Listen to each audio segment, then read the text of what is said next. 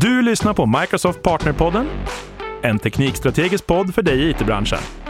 Med mig, Karl-Henrik Nilsson. Hello and welcome. Today we're talking to Jimmy Engström, who's been a Microsoft MVP since 2014. He is the host of the Coding After Work both podcast and streaming series, and is currently writing a book about Blazor called uh, Web Development with Blazor and .NET 5. Welcome, Jimmy. Thank you. How have you reacted to the news of the new data center? Well, I'm excited. I think it's going to be great. Yeah, I mean, they're building it in my backyard. I'm super excited.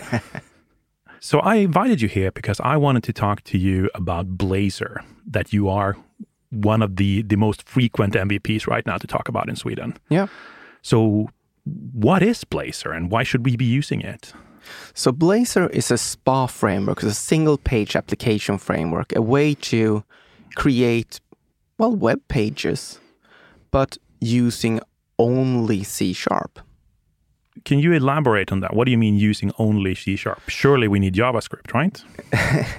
we we do need JavaScript to be honest, because the code that we are running is going to use JavaScript at some level, but we don't have to write JavaScript ourselves. We can write the JavaScript if we want to. So that's a good thing. So we can integrate with whatever services we may have uh, already.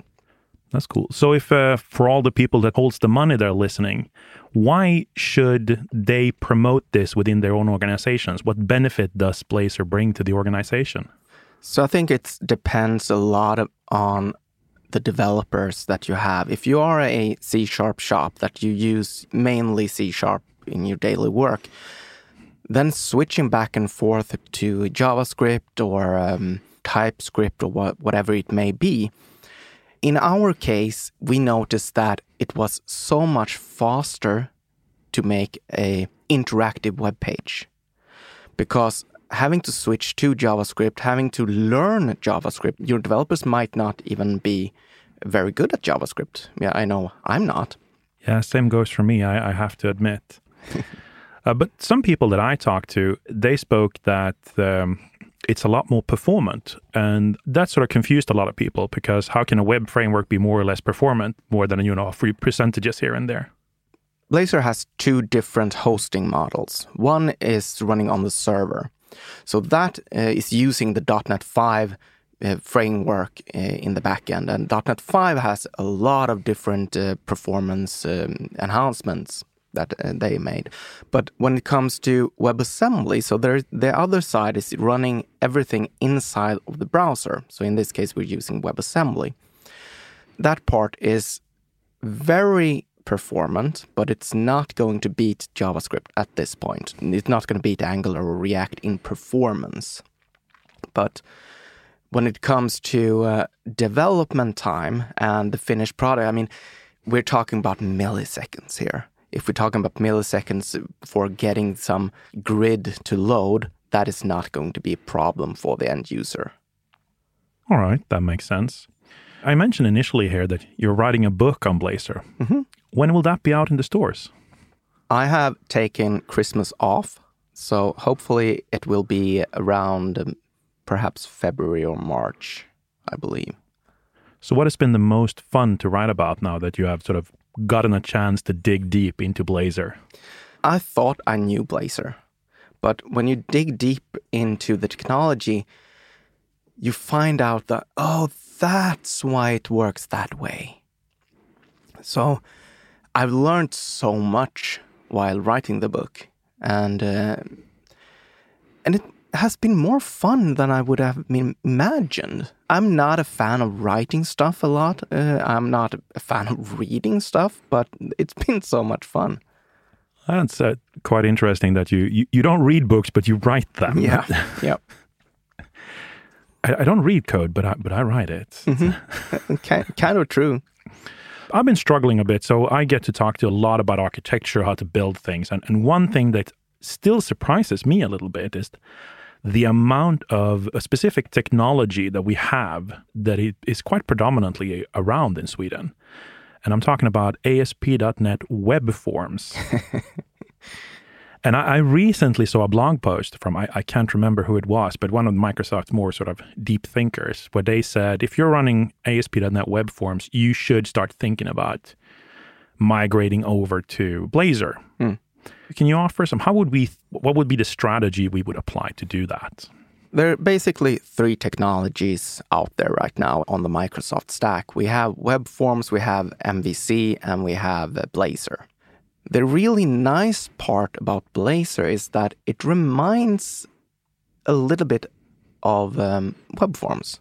It has kind of the same thinking. I usually say that Blazor is like Web Forms without all the ugly because we don't have a state that we're sending back and forth, but the state is preserved on the server, for example, if, if we're talking about server side Blazor in this case. So switching from web forms to Blazor is, I wouldn't say an easy task, but it's at least a familiar task. And there's a guy called uh, Jeff Fritz that is building some components for Blazor that is the goal is to get a, um, a component that is almost code compatible. So it should be pretty easy to use these components and just port it to Blazor. Now, personally, I'm not sure that I would do it that way. I would probably do a file new and embrace the new technology. But in reality, people have really big sites. So if they can start to just get one component in there, that would really help, of course.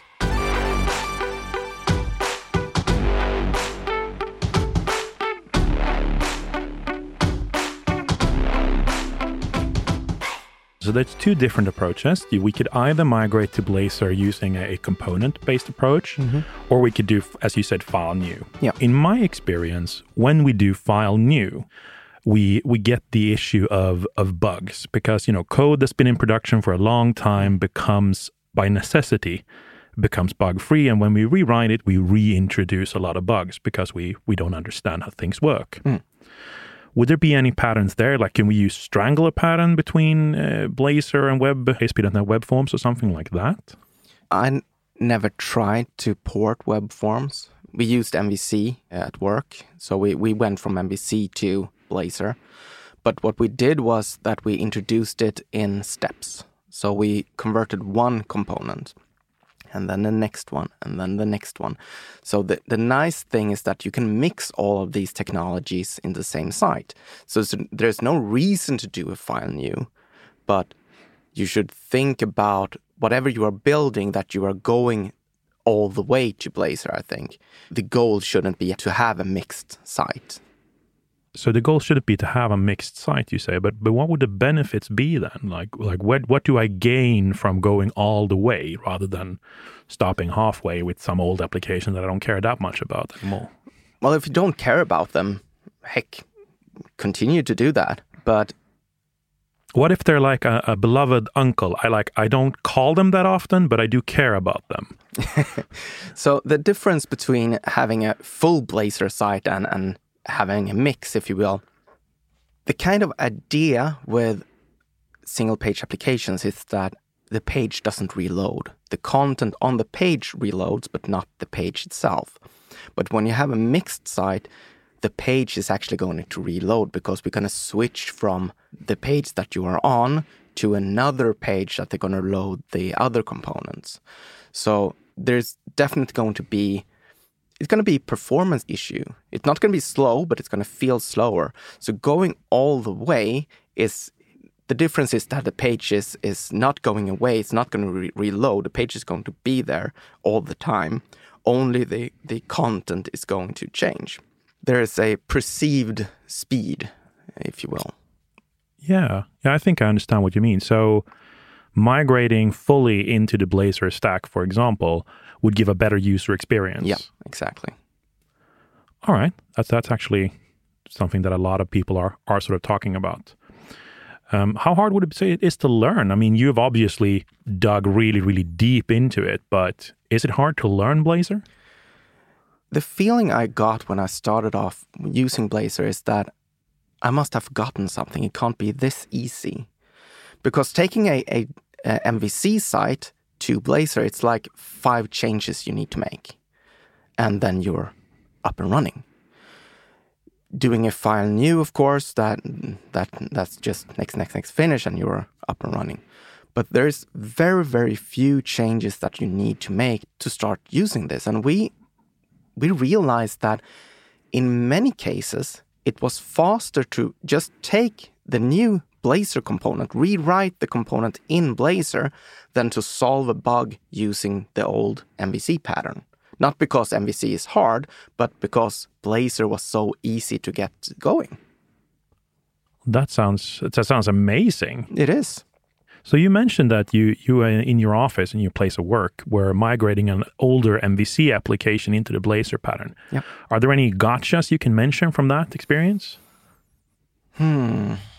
Not that I can think of. The only thing that is a little bit tricky is login.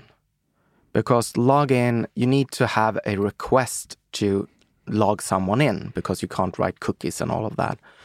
And with Blazor, there's not Blazor is not doing requests. They're doing it with JavaScript or, or with SignalR or with uh, WebAssembly. So we're not doing the traditional requests. So that can be a little bit tricky. You need to actually make a request to get to get logged in. All right.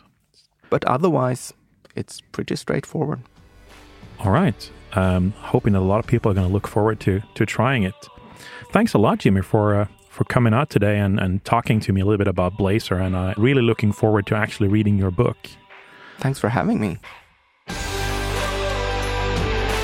Du har lyssnat på Microsoft Partnerpodden med mig, Karl-Henrik Nilsson. Som vanligt hittar du information och resurser på aka.ms partnerpodden.